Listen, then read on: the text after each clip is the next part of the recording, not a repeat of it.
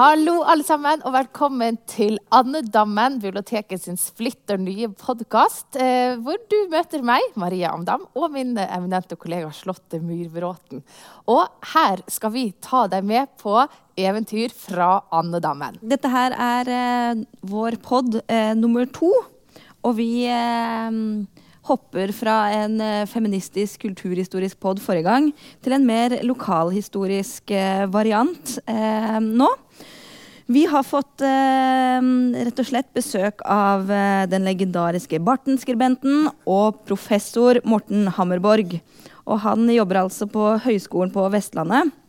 Og du har moderne historie som eh, ditt hovedområde.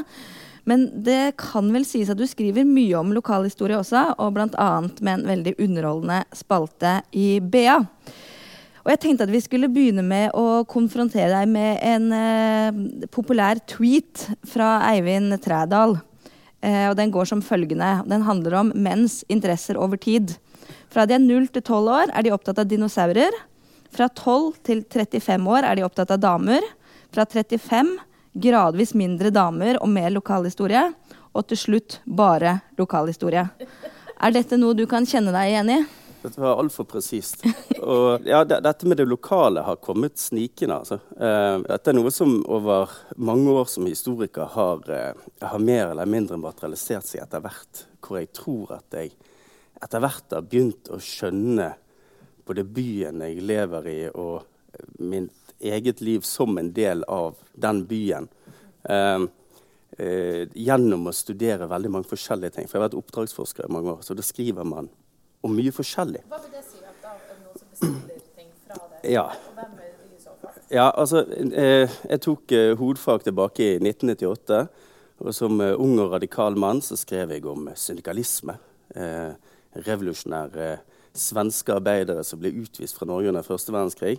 Eh, å skrive om Bergen, eh, eller meg sjøl, liksom nei, det framsto som, som nærsynt og, og kjedelig. Eh, men, eh, men, så ble jeg sjanghaiet shanghaiet inn i et eh, bokprosjekt om et støperis historie i Bergen etterpå. Noen skulle flytte til Oslo, jeg måtte overta som forfatter. deretter Haugesunds skipsfartshistorie fra 1850 til 2000. mens jeg prøvde å skaffe meg en doktorgrad. da må man ha et stipend. og i mellomtiden der så dukket det altså opp en forespørsel om å skrive Bergens vann- og avløpshistorie sammen med Martin Birkeland. Eh, og siden ble det doktorgrad i medisinsk historie, Haukeland sykehushistorie som er på oppdrag fra Helse Bergen, og eh, Haugesund bys historie på oppdrag fra Haugesund kommune. Sånn at det har vært eh, eh, altså, Måten det har fungert på før, i hvert fall, er at hvis du først har landet noen litt sånn store bøker og viser at du kan gjennomføre dem, så vil det alltid være noen andre som eh, vil engasjere deg videre.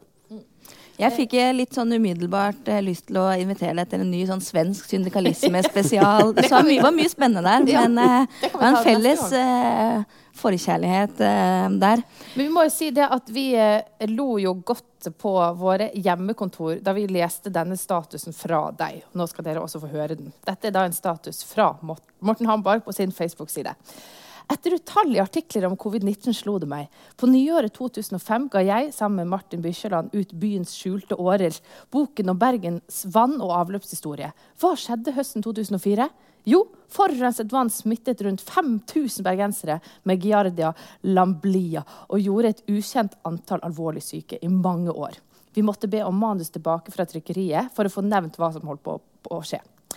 I mars 2009 disputerte jeg på en medisinsk-historisk avhandling. Måneden etter sto Bjarne Håkon Hansen på TV og varslet 13 000 døde av svineinfluensaen, og jeg stormet med ungene til massevaksinasjonen på Brann stadion. Haugesunds historie kom høsten 2017. Det sammenfalt ikke helt med oljeprisfallet 2014-2016 som ga store problemer for byens offshorenæring.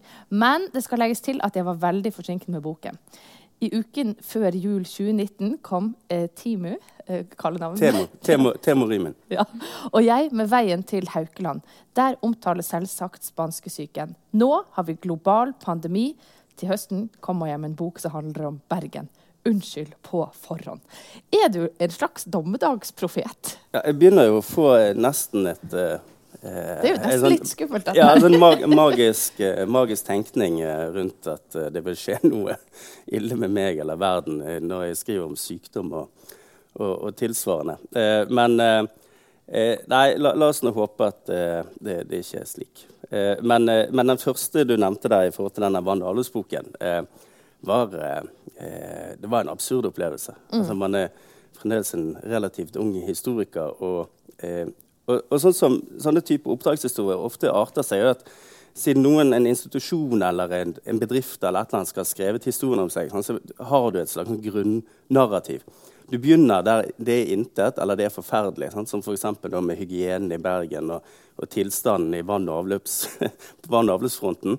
Og så, og så, etableres en institusjon, og så kommer ny teknologi og politikk. Og så bygger man seg stadig vekk en bedre verden, og så slutter du i en slags sånn eh, crescendo av, eh, av eh, liksom, Nå er vi framme. Det, det, var en lang, hard vei, men nå er vi framme til en trygg og god havn hvor vi har ankommet. Og så hadde det akkurat avsluttet liksom, det siste kapittelet i boken. hvor liksom, Endelig sto Gullfjellet ferdig. Gullfjellet som vannforsyning. Og nå endelig ville Bergen for all fremtid ha sikker vannforsyning. Og så blir halve byen syk. Ah. Eh, og De hadde jo ennå ikke fått et navn på dette høsten 2004. Så uh, i den boken så, så fikk jeg da, som, som du nevnte, eh, manus tilbake. Og jeg, jeg, tok inn Veldig uvanlig for en historiker. Ta inn tre dager gamle avisartikler. Mm. og Da var det særlig bekymringen for cupfinalen i 2004. Ja. kunne Brann-spillerne bli syke? Og nok en tittel ryke. Ja. Uh, og da, uh, så, så, det kom med i boken. Uh, men, men det, det, det gjorde for meg, det var jo også noe med, med å forstå mer grunnleggende hvor, hvor usikkert alt er. Altså disse her streite moderniseringsfortellingene som det, Ja.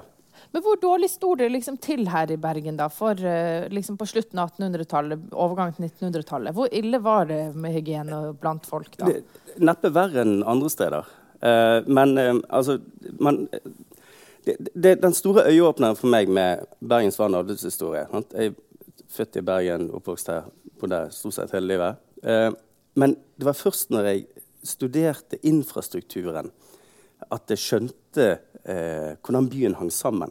Altså hvordan topografien, måten den ligger på ned mellom fjellene, fjorden, og hvor Det regner av og til.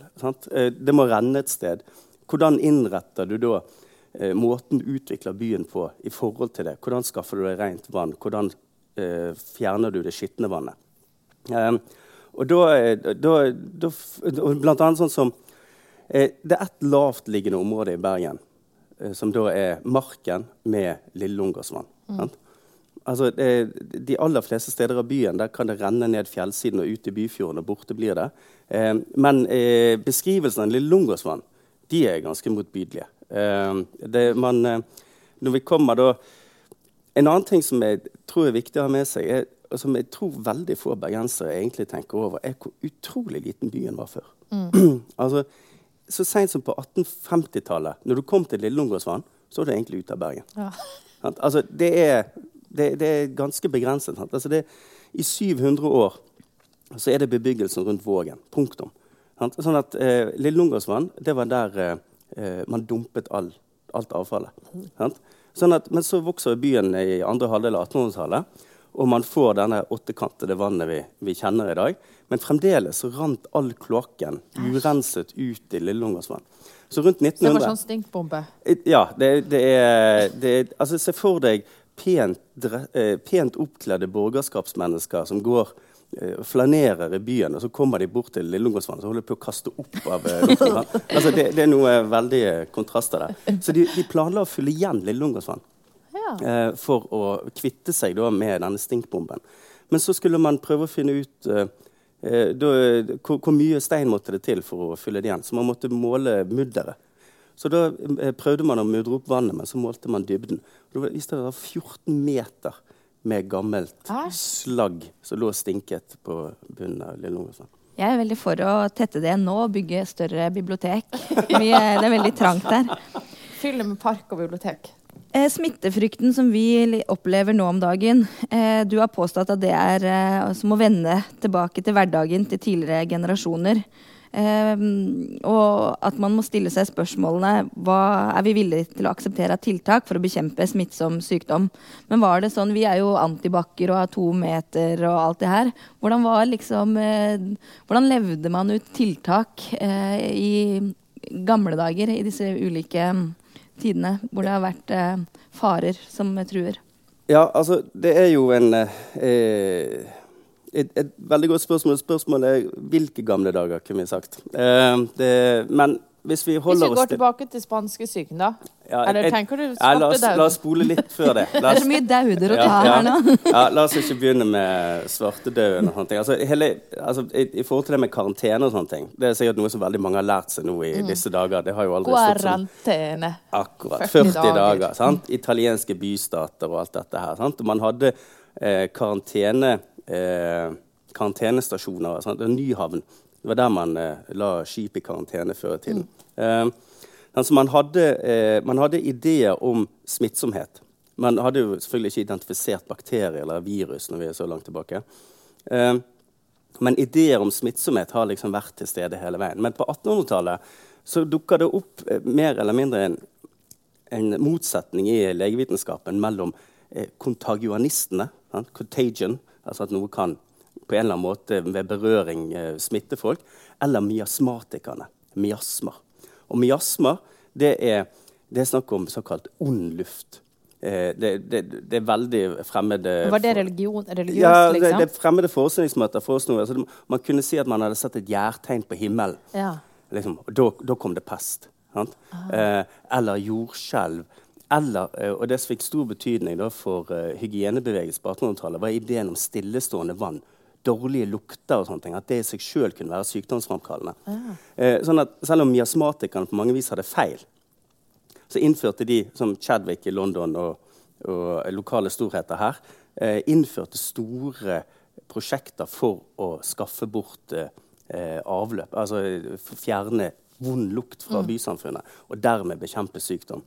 Men du spurte i forhold til med smittefrykt og i det daglige altså Man, man hadde et utall av smittsomme sykdommer. sant? Eh, Ulike barnesykdommer, som kopper, sant, som var den kanskje forferdeligste. Som da har du, du har jo da tvungen vaksinasjon eh, fra 1801 av eh, i, eh, i Danmark-Norge mot uh, kopper. Det er den første.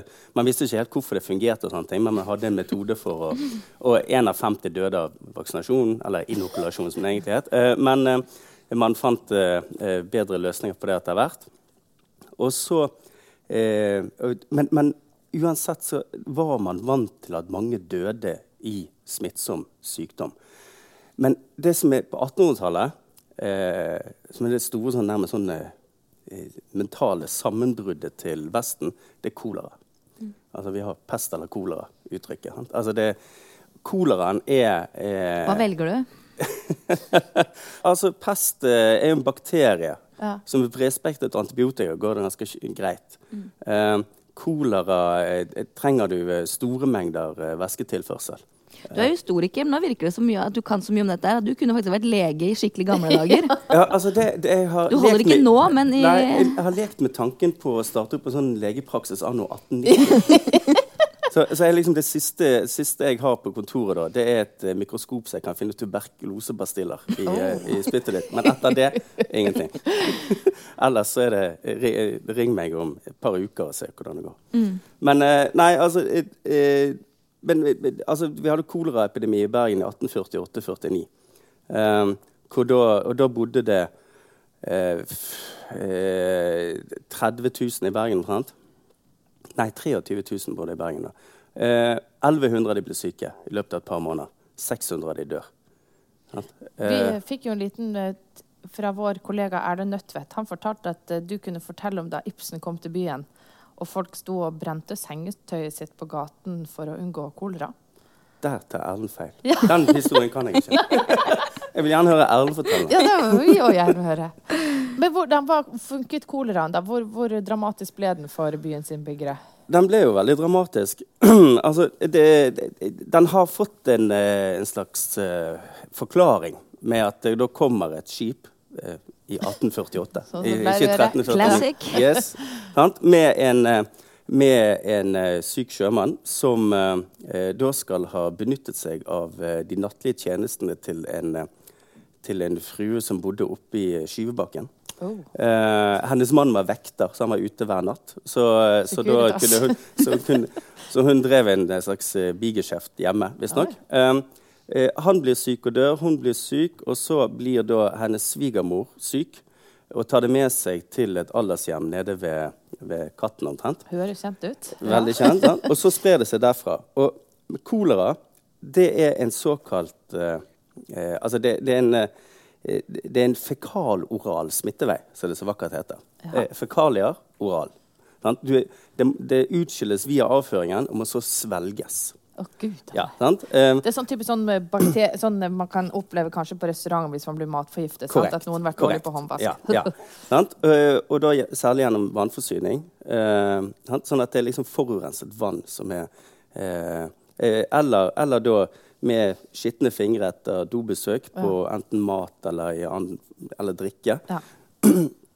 Og da er det som sagt da, 1100 som blir syke i løpet av et par måneder. Kristi Krybbe, og siden Losjen blir gjort om til koleralassaretter. Og så eh, har eh, lokale leger publisert fra altså, da, da, Og da begynner de på en jakt, sant? sånn som leger gjør. Ok, Hva i all verden er dette for noe? De, de, de vet ikke hva som smitter, de vet ikke hva som er, skal være i kuren. Eh, og så begynner eh, leprelegen Daniel Cornelius Danielsen, som har liksom det eneste sånn, obduksjonsutstyret i byen, han begynner å obdusere i store mengder. Og så finner de sånn gråhvit masse i tarmen og sånne ting. Så de driver og prøver på alt mulig rart. Koksalt på det og, eh, og alt mulig rart. Og så, eh, og så ser de at disse gråhvite tingene løser seg opp. Så da begynner de å gi, eh, eh, gi eh, store mengder drikke med salt til, eh, til pasientene. Og det kunne ha funket. Eh, hvis de hadde dempet saltmengden litt, Ja. grann, for da får du i deg salter og, og væske som du trenger i forhold til eh, å bekjempe væsketap ved kolera. Resorb. Ja, nå. Ja. Resorb, som det tar eh, nå. Tips hvis du har Oi. influensa eller hvis du har bakrus. Kjøp Resorb på eh, apoteket, som gir deg salter og sukker veldig effektivt. Akkurat. akkurat. Ja, nei, for de var, det, altså, Noen mener at de var på sporet nå, men, men det var ikke hensikten deres. Hensikten deres var å gi så store mengder saltvann at du kastet opp. For å bli kvitt disse her eh, gråhvite slimtingene. Så de gjorde det bare mye verre, selvfølgelig, sant? for de bidro til væsketapet. Så hvis du begynte å komme deg litt, så kom legen og fikk deg til å kaste opp. sånn at du ble helt, helt uttørret. Men eh, nei, sånn at, eh, og, og du hadde skarlagensfeber, tyfoidfeber, altså endemiske Du har sykdommer. mye sånn. sykdom. Ja. Difteri. Difteri er jo en klassiker også. Kan du gi en sånn, bare en kort innføring i eh, de ut, liksom disse tre vi vi nevnte nå?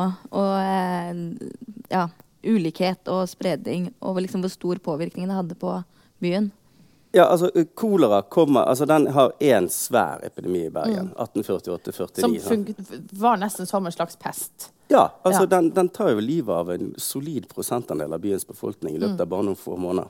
Eh, og nå, eh, Den kommer til Kristiania Drammen tror jeg det er 1831 og Kristiania 1853. Camilla Collett skrev en del brev nå, så det har de gjort mye nå på Nasjonalbiblioteket vet jeg, med de brevene hun skrev under koleraepidemien i, eh, Kristiania. Eh, men så, så kolera er, er altså, Se for deg Europa på 1800-tallet. sant? Altså, man har de store eh, altså, verdensbyene som London og Paris, sant? som mer eller mindre ser ut sånn som de gjør nå, sant? med i sine byplaner. Det, det, det er spektakulært. Det, det er Europa, eh, verdens ledende eh, makt, som i all sin eh, og industrielle revolusjon og alle sånne ting. Sant? Sånn at man, man opplever at eh, altså det å få en idé som at du får en smittsom sykdom som bare utraderer store deler av befolkningen. Det, den er så fremmed for dem. Altså, mm, mm. eh, altså, vi opplever et sjokk i disse dager som alvorlig setter våre ideer om hva samfunn vi lever i, og hva, hva risiko vi har. og, osv. Jeg tror, eh, så når du går inn og ser på måten det skrives om kolera på 1800-tallet, altså, de er ordentlig i sjokk. Altså, Ja. Dette er noe helt nytt nå. Um, så kolera det, det er liksom den aller verste. Eh, difteri eh, der, Det er eh, Dere har hørt om eh, pasteurisering, antar jeg. Louis Pasteur. Eh, som da er eh, en av de første bakteriologene. Og han kommer opp med et eh, serum. Eh, så det er en av de første sykdommene man har faktisk eh, behandling for. For det at i motsetning til virus og en del andre bakterier, så er det, det, det måten man det opptrer i kroppen på, er at det, det, det er toksiner. Det er gift. Eh, men hvis du har det, det er rett og slett å lage en motgift. Akkurat som en slangebitt. Mm. Det er den samme serumtankegangen. Det er rabis, eh, hvor Pastør eh, berømt eh, injiserte eh, gutt, en guttunge med, med dette her, eh, med rabis og så serumet for å demonstrere for Det franske vitenskapsakademi. Det, det, er en, det, er en, del ting før i tiden som ville fått etikkomiteer til å miste nattesøvn.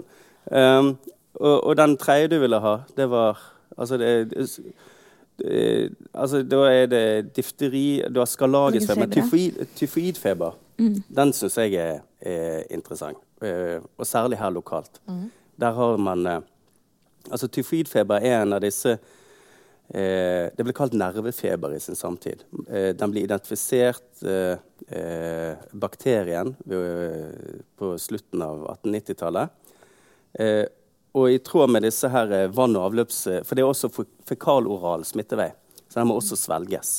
Eh, og så eh, får man rent vann og tette avløp og kloakker og sånne ting. Så svinner den nesten, men ikke helt. Stadig vekk dukker det opp små utbrudd av tyfoidfeber, særlig her i Bergensdistriktet. Mm. Og det er lenge en gåte hvorfor. Men så, eh, på begynnelsen av 1900-tallet så oppdager man gjennom obduksjon, obduksjoner at, uh, at tyfoidfeberen Selv om du har vært frisk i flere tiår fra tyfoidfeberen du hadde som 14-åring, så, så, kan den ligge inni galleblæren og gjenskapes igjen og igjen og igjen. Og med jevne eller ujevne mellomrom tilsettes avføringen. Og dermed så kan du smitte andre igjen. Typhoid Mary er jo et begrep fremdeles. Det er en sånn kokke i New York som, som smittet den ene rike familien etter den andre hun jobbet hos. Og som jo også ble en sånn eh, figur om liksom, eh, du kunne være så rik og så hygienisk du bare ville, men hvis tjenestepersonalet ditt eh, gikk rundt og, og, ikke hadde tørket seg ordentlig, ja. eller sagt ikke vasket seg ordentlig på hendene, så laget mat til familien, og så ja. døde ungene dine av tyfoidfeber. Og det, det, skjer også her i Bergen stadig vekk. Og eh, så bestemmer da overlegen på eh, Gardes institutt, eh, Magnus Haaland, seg for at dette skal utryddes fra Bergensdistriktet. Eh, og gjør noe ganske eh, enestående i, i, norsk medisinsk historie, tror jeg. Eh, han legger Vestlandet under epidemiologisk overvåkning. Sånn som vi holder på nå. Sant? Smittesporing mm. hele tiden. Sant? Så hvert eneste tilfelle eh, av tyfoidfeber, da begynte man å finne ut hvor kom dette her fra. Og, eh, og, nesten alltid så ledet smitten tilbake til en gård ute i Bergens omland som leverte melk til byen. Ja. For han pasteuriserte ikke melken. da. Sånn at det å spise, det å spise kremis i Bergen i mellomkrigstiden var potensielt livsfarlig. Uh. For hvis en eller annen eh, 70 år gammel budeie som hadde vært tyfoidfeber, eh, hatt tyfoidfeber 40 år før, kunne, eh, det kunne være i melkeforsyningen. Og det De da gjorde, det at de begynte å eh, dra til disse gårdene, gi dem lakserolje for å få prøver. Og så dro de på Gades institutt oppe på Haukeland, og så lette de etter basillen. Og hvis de da fant dem, så kunne de nemlig tilby en kur. Og kuren får ikke lenger være eh, smittebærer. For hvis du var smittebærer, så fikk ikke gården lov å eh, levere melk. Så da mistet man den eneste ja, ja. inntektskilden sin. Ungene fikk ikke gå på skole, ungene fikk ikke gå i lære. Du ble nektet en hel haug med jobber. Det, det, høres jo litt kjent ut nå, sant? men de kunne tilby en kur. Okay. Og det var å operere dem. Operere ut galleblæren. Eh, så på Haukeland eh, gjennom mellomkrigstiden og jeg vet Det siste som ble gjort, var på begynnelsen av 1960-tallet. Eh, hvor man da rett og slett opererte ut galleblæren på helt friske mennesker, men de, de var smittefarlige. Og det kan du leve greit med? Det kan du leve greit med. Det blir litt trøblete med fordøyelsen, så vidt jeg har skjønt. Ja. Men, men, eh, men eh, det, det, er to, to stykker har mistet livet mm. Eh, av operasjonen. Og men det er også tilfeller hvor folk blir nektet operasjon fordi de var for gamle til å tåle operasjon, som begikk selvmord. Ja. Altså dette her Ja.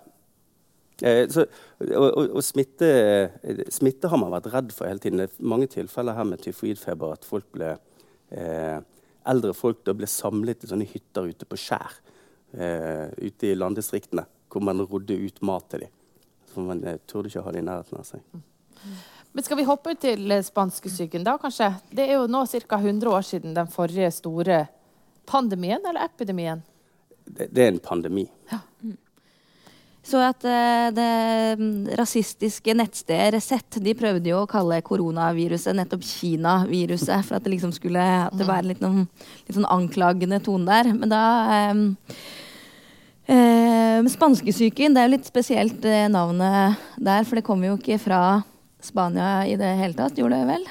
Prikk, Nei, prikk, prikk. altså, det, det er stor uenighet om opprinnelsen til eh, spansksyken. Eh, det influensaviruset som vi kaller for spansksyken. Eh, eh, noen mener det oppsto i Asia og kom sørover til USA. Men det som i hvert fall lar seg etterspore, det er eh, amerikanske tropper som ble trent i store militærforlegninger i USA. Kansas tror jeg det var det første. Eh, hvor, hvor sykdommen begynner å spre seg.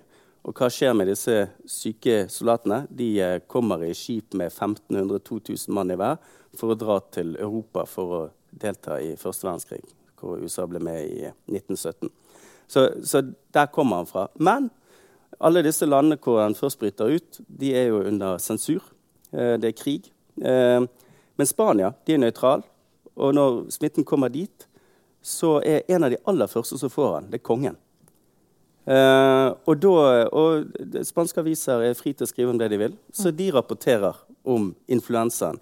Og så blir han da kjent som spansksyken. det første stedet man Så nordmenn trodde da gjerne at den kom fra Spania. ja, altså, Hvor mye de eh, la vekt på dette navnet spanskesyken i samtiden, det er jeg usikker på. Det er eh, The Spanish virus. the, Spanish, the Spanish flu, i så fall. Uh, men uh, nei, spanskesyken er jo Altså, i dag Og det, dette her er noe som flere har eh, forsket på og prøvd å forstå.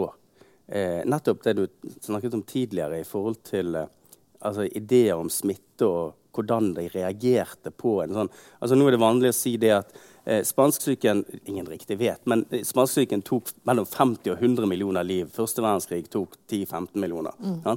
Så det var en mye verre ting enn første verdenskrig. Mens første verdenskrig åpenbart har hatt en mye større eh, oppmerksomhet, eh, for å si det pent, enn en, en spansksyken.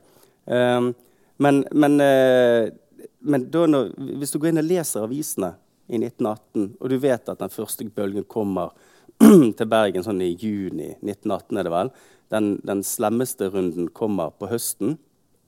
La oss ikke håpe at vi det går troll i ord her til høsten. Men, Nei.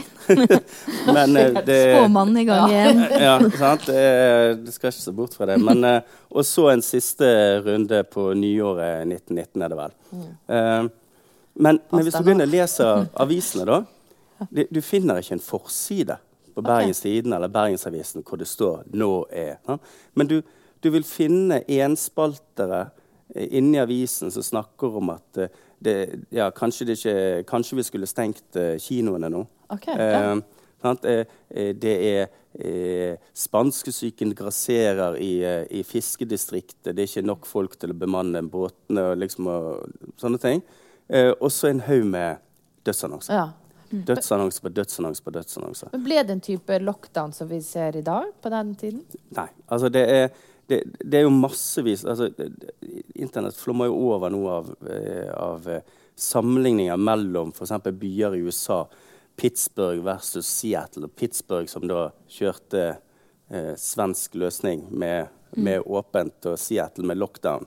Og at Seattle kom så mye raskere både, eh, både økonomisk osv. Altså, det, det er en hel haug med sånne analogier ute og går nå. Eh, jeg skal ikke våge meg på å dømme mellom de. Eh, men eh, i, i Norge er det i hvert fall ikke, så vidt meg bekjent eh, Du hadde et medisinaldirektorat, du hadde jo selvfølgelig et statsapparat, som, og du hadde en sunnhetslov som var kommet på 1860-tallet i, i kjølvannet av koleraepidemiene og bl.a. med lepra. Vi kan snakke lenge om lepra. Eh, men eh, eh, men, men det, det, er en, det er ikke en nasjonal, offisiell politikk. Da. Det, det er enkeltskoler som stenges når for mange lærere er syke. Og, eh, og det slike. Og det er jo eh, og, det, og det som jo er på den tiden der, eh, Noe som ville ha skremt vannet av oss i dag på en helt annen måte enn denne pandemien her, det er jo at det er de unge som dør. sant? de mellom 20 og 40, og særlig gravide kvinner. Eh, og teorien er jo det at eh, dette var et, et spesielt hissig influensavirus som, som, utløste en voldsom eh, reaksjon i immunforsvaret. Så jo sterkere immunforsvar du hadde, jo sykere ble du. Det høres ut som sånn ond eh, superskurk uh, pønska til perfekte veldig slemt. drapsvåpen. Ja, liksom. veldig slemt. For når du ser på disse her uh, dødsannonsene altså, De er liksom vår kjære sønn 17 år. Mm. Eh, vår datter 22. Og da, eh, eh, så, og det, da døde 15 000 anslagsvis i Norge eh, i spansksyken. Og nesten utelukkende i, i, i alderskategoriene fra 20 til 40. Og nå har det, dette her rare telleverket vi alle er vant til å se på hver morgen mm. på nettavisene. Liksom det, er det 208 døde, eller noe, og gjennomsnittsalderen er 83 år. eller noe. Mm. Hadde, den, hadde den nå stått på 6000, og gjennomsnittsalderen var 27 år, ja, ja. Eh, så tror jeg vi hadde vært villige til å tåle litt av hvert. Jeg vet jo det, altså, Min egen familiehistorie her, jeg oppdaget den, eller jeg har hørt det fra jeg var liten. Eh, min egen oldefar døde jo i, i spansksyken. Eh, Hvor gammel var han da? Nei, han må ha vært Dette var jo da i 1918. Han var et par og tjue. Mm. Uh, og jeg vet jo det at min oldemor Det er i hvert fall fortellingen som har gått til familien siden. er at Min oldemor tok min da ett år gamle uh, mormor og la på, på, på brystet hans, sånn at hun også skulle bli smittet, for de skulle alle dø. Nå, det, var liksom, sånn at det, det, er i hvert fall, det har i hvert fall vært gjenfortellingen mm. eh, seinere, sånn, som sier noe om altså, Selv om kanskje ikke avisene er på samme måten altså, Vi må tenke oss på media var helt annerledes på den tiden. Mm. Altså, så vi kan ikke liksom bare slutte fra at det ikke er forsider som skriker mot dem hver dag, eh, og si det at det ikke var en stor frykt i befolkningen i, i 1918. Men eh, ja. Hvis man bare ser uten sammenligning for øvrig, hvis man bare ser litt på pressen for sju-åtte uker siden, når man hadde fått tall fra andre steder i landet Jeg husker bare snakk om den Veronica Maggio-konserten, som var en av de første som skulle bli avlyst. Ja. Men så var det sånn Nei, vi avlyser ikke.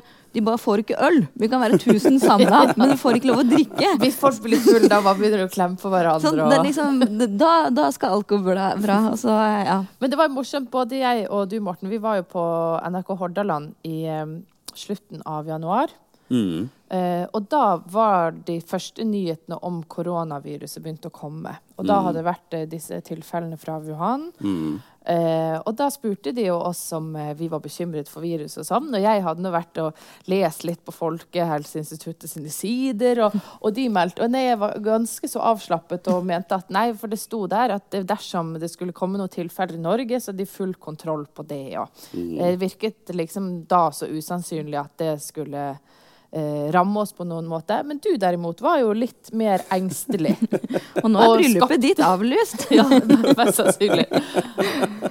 Det er jo helt utrolig hva som har skjedd bare i løpet av nå tre-fire måneder. Vi kunne jo aldri forestilt oss det da vi sto da på Eller kunne du det? nye studioet i, Nei, på altså, Eh, dere vil se han eh, Mamelund, Sven Erik Mamelund som er i alle kanaler nå. Jeg har jo kjent han i mange år som medisinsk historiker. Eh, og han og han har brukt mange år på å fortelle oss at neste pandemi er, kan, kan, dukke opp når vi mm. minst aner det. Men eh, min, min, bekymring da var vel mer et utslag for mer min eh, generelle helseangst eh, enn eh, en, eh, en, et, et, slags eh, innsikt i pandemiers hjørne og laden. men men eh, jeg har, jo, jeg har, jo, både forsket på mye sykdomshistorie på den tiden, og jeg må si jeg sterkt foretrekker å skrive om det som har vært, istedenfor å oppleve det sjøl. Det, eh, det vil jeg sterkt understreke. Eh, samtidig som det i ettertid, når vi kommer forbi dette her altså det kommer til å, altså, Hva slags type hendelse dette kommer til å bli i tiden som kommer. Altså Både hva slags politiske og økonomiske eh, følger det får. Eh, og og i hele tatt bare hva, hva, blir det sosiale rommet mellom oss? Altså, hvordan, hvordan, omgås vi, og hvordan ser vi på hverandre? Det er veldig mange som advarer nå mot det at uh, det, det, er kanskje en, en, skikkelig ille følge av dette. Uh, og også hvordan om, at, altså, Hvis du prøver å se litt uh, historie over tvers liksom, Det handler jo veldig mye om hvordan vi stadig vekk har blitt tryggere. Sant? Altså minimering av risiko. Mm minimering av risiko i absolutt alle sammenhenger i alle faser av livet. Eh, som er det vi forventer av livet sjøl og av staten. Eh, det er vel skal... derfor vi liksom takler dette så dårlig, ikke sant? For vi ja, eller, har ikke vært i ja, altså, å forestille oss hvor sant? Og hva gjør dette med våre forestillinger eh, om eh, verden og væren etterpå? Det, dette blir noe for nesten enhver tenkelig eh, akademisk profesjon å forske på i årene. Kanskje dette vi skal leve av etter oljen? Koronaen, det, det vi skal leve etter oljen. Men tror, ofte så fører jo disse typer Det blir jo på en måte en slags ny start, ikke sant? Eh, ser du positivt på framtiden? Tror du det kan komme noe positivt ut av denne koronaepidemien? Altså, jeg, jeg, jeg, har lyst til å si ja, men altså sånn som husker, Finanskrisen. sant? Det, det, det, jeg husker jeg hadde en lang samtale med venn av meg. da, som var liksom sånn altså Den som ikke skjønner at eh, internasjonal styring av, eh, av, kapitalismen er helt tvingende nødvendig etter å ha sett finanskrisen. Eh, og, men hva opplevde vi? så gudene vet så Bare i dag så var det i Libanon noe, så stormer de ut i gatene. Sant? fordi at de har portforbud, men de har jo verken mat eller penger. Mm. Hva skal du gjøre? Altså. Så om, om, finanskrisen ble jo en, eh, en, katalysator for ulikhet i verden. Så om dette blir eh, om, det, om, det, er liksom et eh, vakkert kollektiv som venter oss på andre siden her Nei, jeg, jeg Miljøet, da. Hmm? For miljøet, da. Miljøet Kommer vi til å fly som aldri før for å ta igjen det tapte, eller kommer vi til å liksom skjønne at det er bra å la være å fly på den andre siden? Nei, gudene vet, altså. Det, det, det, det vi Jeg skal cashe inn min Frankrike-ferie en gang. Det vet Hva sa du? Jeg skal bruke min Frankrike-ferie en gang i livet. Som ja, jeg, jeg, har to uker i en villa i Italia i sommer. Men jeg eh, jeg, jeg, jeg, tror at eh, jeg, jeg, er svært usikker på uh, hva slags type politiske konsekvenser dette får. Altså, det, det som Eh, du, du, du, sa at vi, vi takler det så dårlig, men jeg, jeg, er slett ikke sikker på det. Altså, se på eh, eh villigheten de aller, aller fleste har til å følge opp her. Mm. Eh, jeg, eh, og er det noe som altså Hvis dere husker det glade 90-tallet da man liksom eh, Husker ikke det, dessverre. Husker ikke det heller, faktisk. Tjukk og gammel. Barndommen var god, men der stopper det. For de av oss som uh, var uh, kjønnsmodne på 90-tallet uh, vi, vi, husker altså, Nasjonalstatens død blir stadig vekk proklamert. Men så se hvordan jeg tror, jeg, tror, det kan bli en av de virkelig interessante tingene i, i forlengelsen etter å se på hvordan de ulike nasjonalstatene har taklet dette her. altså Vi holder på med dette real time. Sant? Sverige, eksempelet, og de andre. Sant? Og Eh, og disse tillitsforskerne blant sosiologene driver jo kontinuerlig nå og, og, måler tilliten til myndigheter, tilliten mm. til dine medmennesker osv. Eh, og dette er en av de klassiske øvelsene også fra 1800-tallsforskningen. For å se på hvordan møtte man koleratrusselen. Og da vil det være klassiske eksempler. Det er sånn liberale samfunn med liberal offentlighet, eller borgerlig liberal offentlighet som Storbritannia. De tok veldig få eh, tvangsmidler i bruk. Mens mer sentraleuropeiske makter som Tyskland og sånne ting, har brukt mye mer politi. Eh, sunnhetspolitiet, som de kalte det. Eh, eh så eh, Nei, jeg, jeg, dere merker jeg blir eh, både flakkende i blikket og usammenhengende når dere spør en historiker om, eh, om, om framtiden. vi, skal, ja, vi skal ikke presse deg. Jeg har et um, spørsmål som går litt dette her på um, ja, disse sykdommene og klasse. For det er vel kanskje litt sånn utypisk at um, I hvert fall til Norge, da, så var det jo liksom kanskje sånn øvre middelklasse som henta det med fra sine deilige skiferier i Østerrike og uh, Frankrike. hvordan tenker du om det? Hvordan uh, alle disse her rammer, uh, hvordan det rammer ulikt? Regner med at fattigfolk har vært hardest ramma av veldig mye. Noen har jo av og til kalt liksom, de store epidemiene og pestepidemiene som sånn, the great equalizer. Mm. Du kan dø om du er konge, eller om du er da, eh, Jørgen Hattemaker. Men i praksis er det jo de, de fattige som stort sett har, har, eh, har båret eh, kostnaden med sykdom, epidemisk sykdom også. Eh, altså det, det, klassiske man gjorde når det var pestår, i eh, store europeiske byer på 1500-1600-tallet, da dro man jo på landet. Sant? Da dro man til sin villa og holdt seg unna. Og så De som selvfølgelig ikke hadde et landsted å dra til, de måtte bli igjen eh, Mm. i, eh, i det hele. Og, og, Det var vel det vi prøvde på her i landet òg, med å reise Ja, til hyttene. sant? ja, vi ble jo nektet å dra på hyttene våre. Det er helt skandale. sant? Det er forferdelig, eh, forferdelig overgrep. Men, eh, men eh, der eh, eh, det, hadde vært mye enklere hvis vi bare hadde hatt en bitte liten overklasse som kunne få lov å dra. Det er jo så altfor mange som har hytte, så da blir det, da blir det overbelastning på lokale Middelklassen har blitt for stor, rett og slett. Rett og slett. Det er det store problemet vårt. Men, uh, nei, uh, men at det kommer til uh, det- er jo allerede gjort poenger av dette her i den pågående pandemien nå. Altså, det, det er fryktelig lett å si i Norge, i hvert fall i øvre middelklasse, det at ja, men da bor, da bor det familiemedlemmet som er er smittet i kjellerstuen da inntil videre. Eller kan flytte inn i aupairleiligheten. ja. Men eh, bor du, eh, seks-syv stykker i en eh, ganske kjip eh, leilighet, så, eh, så, så faller det seg litt Ja, ja, vanskeligere. Eh, og, eh, og selvfølgelig det- er masse rapporter nå fra USA om hvordan da afroamerikanere er jo grovt overrepresentert når det gjelder dødsfall. sant? Og da eh, går det også mye på underliggende helse, sant? som eh, ut, eh, utbredt diabetes f.eks. Eh, sånn at, så, så det at sykdom er ikke, selv ikke epidemisk sykdom, er, er liksom den store utjevneren. Og den, den rammer ulikt og kommer til å ramme ulikt. Han, jeg nevnte han Mamelund tidligere. Han har jo gjort mye forskning på dette med nettopp da, hvordan eh, klasse har spilt inn også i de historiske epidemiene. Og, og aller mest, eh, og der er det jo det, det er jo det mest eklatante, det er jo, eh, det er jo eh, urinnvånere. Sant? Som da har hatt i, i ulike urfolkgrupper rundt omkring i verden som har hatt begrenset, eh, begrenset kontakt med, med eh, Smitten eh, ja, med, med smitte opp gjennom tiden som, som rammes mye hardere av dette. Det er jo, det er jo eh, et, et, ja, det er blant inuittgrupper i Canada som har funnet liksom, eh, hele samfunn som døde ut av spanskesyken og sånne ting. Eh, og, eh, og selvfølgelig de virkelig, virkelig store eh, eh, Kanskje det som er mest grunnleggende, ødeleggende epidemien i verdenshistorien, er jo, er jo den såkalt nye verden, 1492 i Amerika, når, når de får kjenning med, med europeernes sykdommer.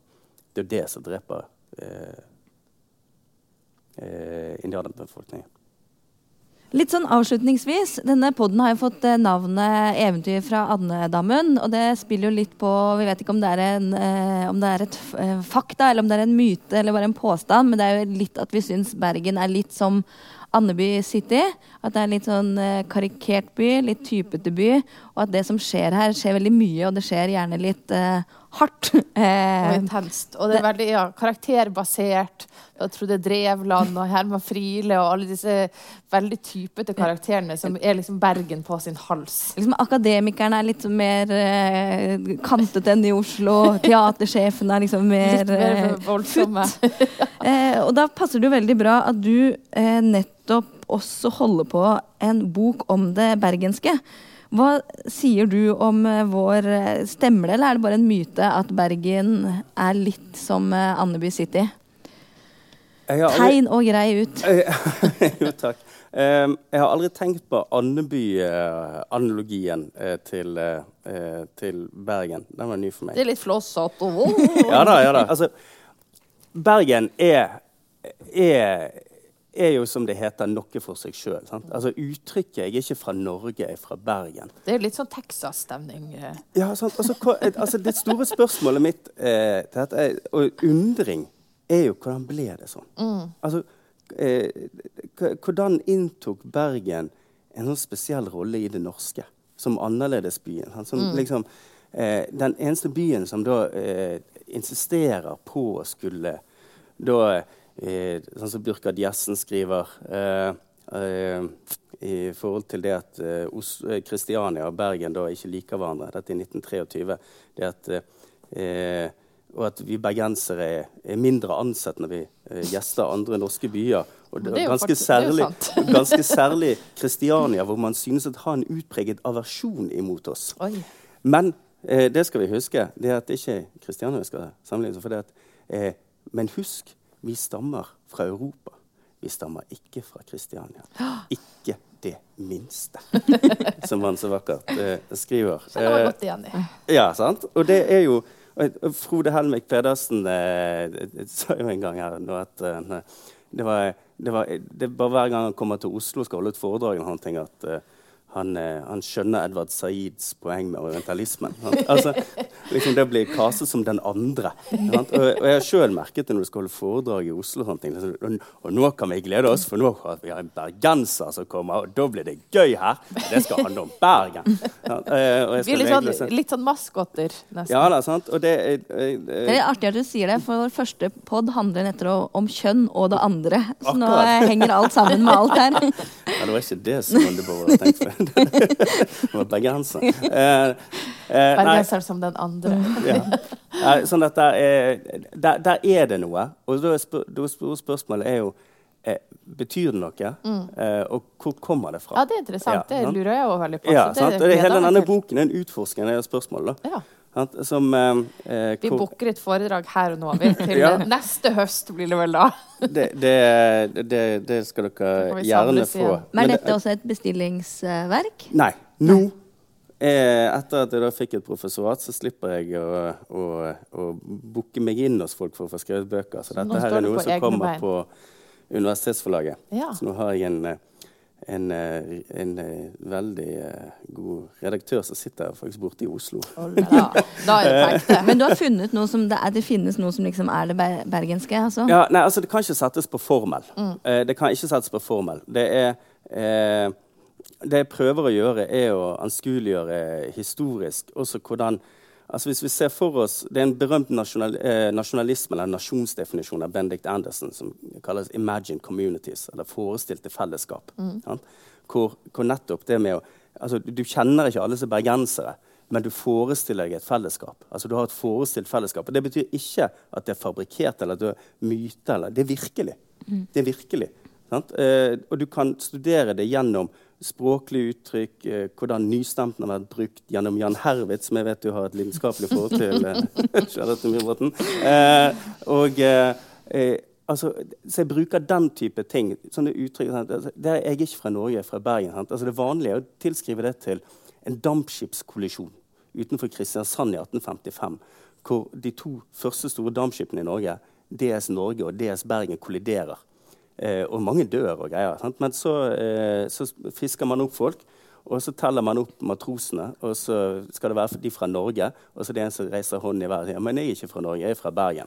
Eh, men, men, og den, den dukker opp eh, både her og der. Men, eh, men så har jeg funnet da, i, en, i en avisartikkel fra 1902 at Bergen i 1695 innførte et eget det som kaltes et nasjonalflagg for byen. Oi. Eh, som var en avart av det danske flagget. Så når man møtte dans, nei, ikke en dansk, men en, en bergensk skip, så sa eh, sjøfolk på de andre der det der er ikke et norsk skip, det er en bergenser. Oh. Eh, men, men eh, så har du men bruken av det Og så kan vi finne på 1800-tallet at eh, eh, Henrik Jæger skriver om at man i Kristiania så ser man så ille på bergenserne og baktaler dem på en sånn grusom måte at de sier at når en bergenser er i utlandet, så sier at han ikke er fra Norge, men fra Bergen. Og det er i 1889, sant? rett før 1905. Sant? Det er en voldsom anklage om femtekolonne. Ja. Og, som, og som Henrik Jæger som bergenser tar meget ille opp. Men så kommer du inn på 1900-tallet. Eh, 1905 er unnagjort, og det, det er kanskje lettere å ha en slags separatistisk eh, tone. Eh, hvor da eh, Burkhard Gjessen i 1923 kan, eh, kan skrive som at vi er ikke fra Norge, vi er fra Bergen. Eh, radiofantomene, vi er ikke noe, vi. Eh, som da også har Vi er ikke fra Norge, bare fra Bergen. Eh, og så til dagens bruk av det som Republikken Bergen. Både på eh, stadion i VG-reklamen, den Berksit som var for to år siden, husker dere den? Som avsluttet denne her altså Buekorpsene hadde rabarbratesten på innbyggerne og, og førte de bort til en grusom skjebne. Eh, og, Veldig eh, kostbar eh, reklame. Enormt, sant? Og NRK Satirik, sant, som har sånn her eh, eh, Fem på gaten, hvor eh, eh, de spør folk i Oslo om bunadssømmer. Og så svarer det klassetryner av rang. Så svarer de med tar ned solbrillene med, og, og sier jeg kunne ikke bry meg mindre. Ikke fra Norge, fra Bergen. tok du han. Og så dagen etter så vedtar Stortinget og, og har, Nå har Stortinget fått nok og skiller ut Bergen som selvstendig stat. Så, sånn at denne her, eh, og, og, også lange kamper for å få universitet og andre ting. Eh, ja, jeg prøver å se på språket både i, eh, både i Oslo og Bergen om, om, det bergenske. Hvordan det er blitt iscenesatt, og, og hvilke ting som gjør at man liksom reproduserer hele tiden denne ideen om det bergenske. Mm. Eh, og som, eh, som, jo fremdeles eh, lever. Når er planlagt eh, utgivelsesdato her, da? Nei, det, Vi får høre med min redaktør. Men eh, ideen er å levere manus nå i mai, og så få den ut til til høsten. Da blir det julegave til alle bergensere i år. Få fletta inn et lite sitat fra Oslo-låten til Marie her òg. Der har du jeg, noen jeg, gull... Jeg, har allerede, jeg, jeg satt og nilyttet på den her om dagen for å se om det var en Men, eh, men eh, det, det, det, dere du ødelegger litt grann, eh, med denne her eh, du, du, er så vakker, men det er ingenting for oss.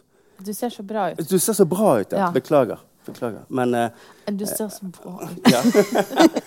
men, uh, men uh, Er det for raust? Er det for raust? Ja, det, var, det, ja, det er liksom frister litt, sant? men det er ikke noe for oss. Ja, akkurat. akkurat. Jeg husker jeg husker, Fristerinne Oslo. Jeg, jeg, jeg, har jo nå de, i mange år vært liksom på en manisk jakt etter alle sånne iscenesettelser av når mm. Bergen omtales, enten det er på Nytt på Nytt eller i mm. lønnsforhandlinger eller hva, hva det er det, altså i, i, i, nasjonale medier. Og da var det jo eh, Jeg tror det var Radioresepsjonen som hadde en rant når dere hadde mm. den låten. sant? Eh, ja, Vi egget på oss mange Oslo. Ja, sant? og, det, og, det, og da, da, sånne ting. Sant? For det er da det kommer til syne, disse tingene. Mm. tenker jeg. Eh, så der eh, Men ellers om, om det eh, Og i hvilken grad Jeg vet ikke hvor Det var spennende å spørre dere. dere for jeg, jeg, prøver å dra dette opp i så mange samtaler jeg kan for å få liksom, folks opplevelse av dette. nå. Mm. Det, og, og, det er jo lett å tenke sånn, altså Mine unger de skjønner jo knapt hva en stril er. Mm. Så tenker du at ok, greit. Og mange av de uttrykkene som jeg brukte da jeg var ung, sant? de, de er det ikke eh, så mange som har. Sant? Så da tenker du at ja, ja, nå forsvinner det. Nå, nå, bor alle rundt de syv fjell istedenfor mellom de syv fjell. Men det, det, noe av det gøyeste jeg har funnet synes jeg, med å lese så mye sånn gammel bergenslitteratur, er det at ideen om at det bergenske er i ferd med å forsvinne, eller akkurat har forsvunnet, den, eh, den, har vært der siden i hvert fall tidlig 1700-tall. Mm. Mm. Ludvig Holberg skriver i 1737 i Bergens beskrivelse i mine guttedager var Bergen noe for seg selv. Men nå er det blitt som alle andre steder. Og dette her gjentas med besvergelse gjennom århundrene. Liksom. Alltid, liksom. Alt var bedre før. Ja, alt, ja det er sånn, det er liksom, eh, så det er ikke the rise and fall of the Bergen Empire, det er the fall and fall of the Bergen Empire. Liksom, altså, eh, og Bergen er, er helt, altså, eh, helt, åpenbart en by som er definert av sin fortid. Mm. Og har vært det i mange hundre år. Altså, Den har alltid vært er definert av at den en gang var noe.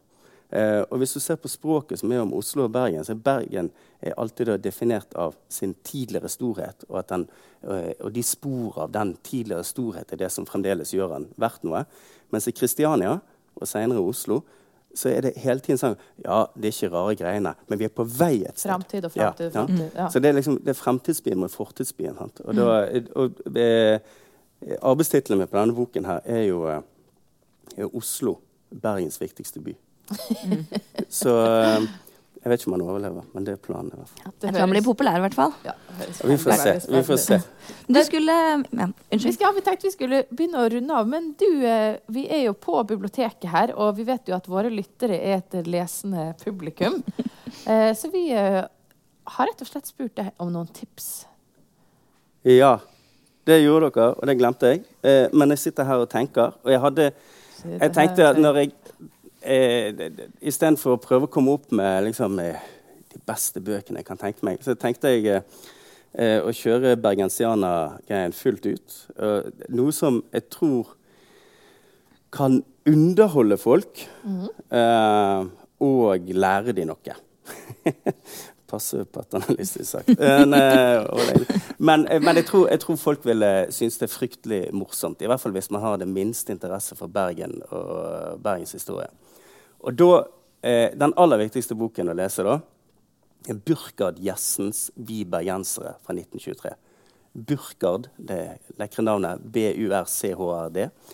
Eh, den finnes da på eh, nb.no, kan leses gratis der. Eller så skaffer man seg den på annet vis. Og så åpner vi vårt eh. Posen-bibliotek eh, nå, hvor det går an å bestille og hente. Så sjekk hjemmesidene, så kan du få det fysisk òg. Vi bergensere fra 1923 eh, er, er i mine øyne ustyrtelig morsom. Eh, hvor man da kan lese eh, en iscenesettelse av Bergen anno 1923. hvor da eh, altså, Bergen har jo da tredoblet sitt innbyggertall fra 1870 til 1920 omtrent.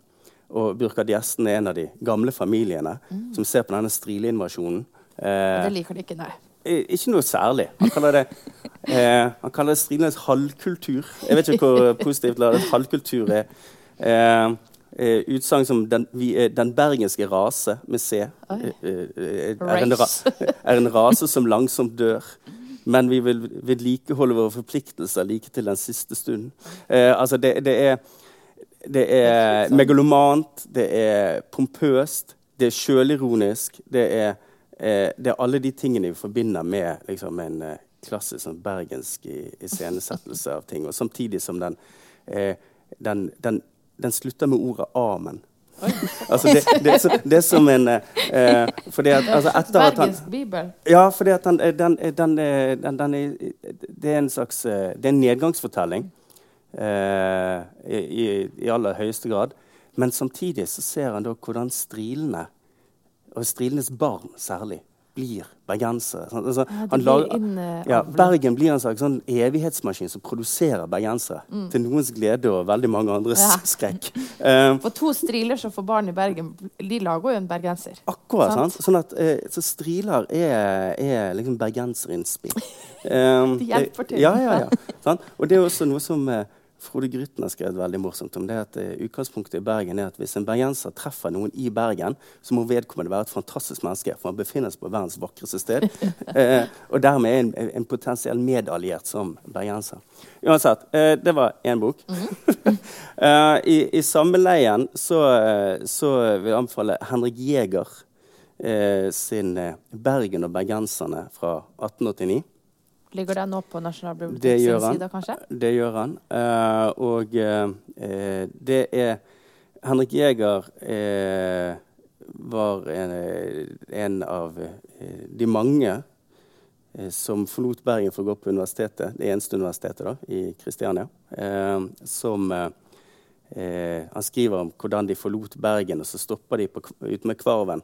Hvor de går i land og har fått en eller annen eh, vinladning, og så står de der ute på sånn nærmest sånn parodi på en sånn bergensk middag med store skåltaler for, for byen, og hvordan de alle lover å vende tilbake igjen for å bygge byens storhet. og sånne ting. Det tar 20 år før han kommer tilbake, da, for han, han, han stortrives jo ved universitetet. Og, og, og Ibsen og den gjengen der. med- inn- Hyggelig der borte også. Ja, sant? Han, eh, eh, han så det så bra ut. Eh, og, men kommer tilbake inn hit, så skriver han dette portrettet av byen. Og følger opp året etter med en sette med den lekre tittelen 'Kristiania og kristianienserne'. Som kommer i 1890. Så det er altså to samtidige byportrett Ja. som er veldig interessant. Eh, la oss kalle det to og tre, da, siden jeg ikke akkurat har forberedt meg eh, så veldig grundig.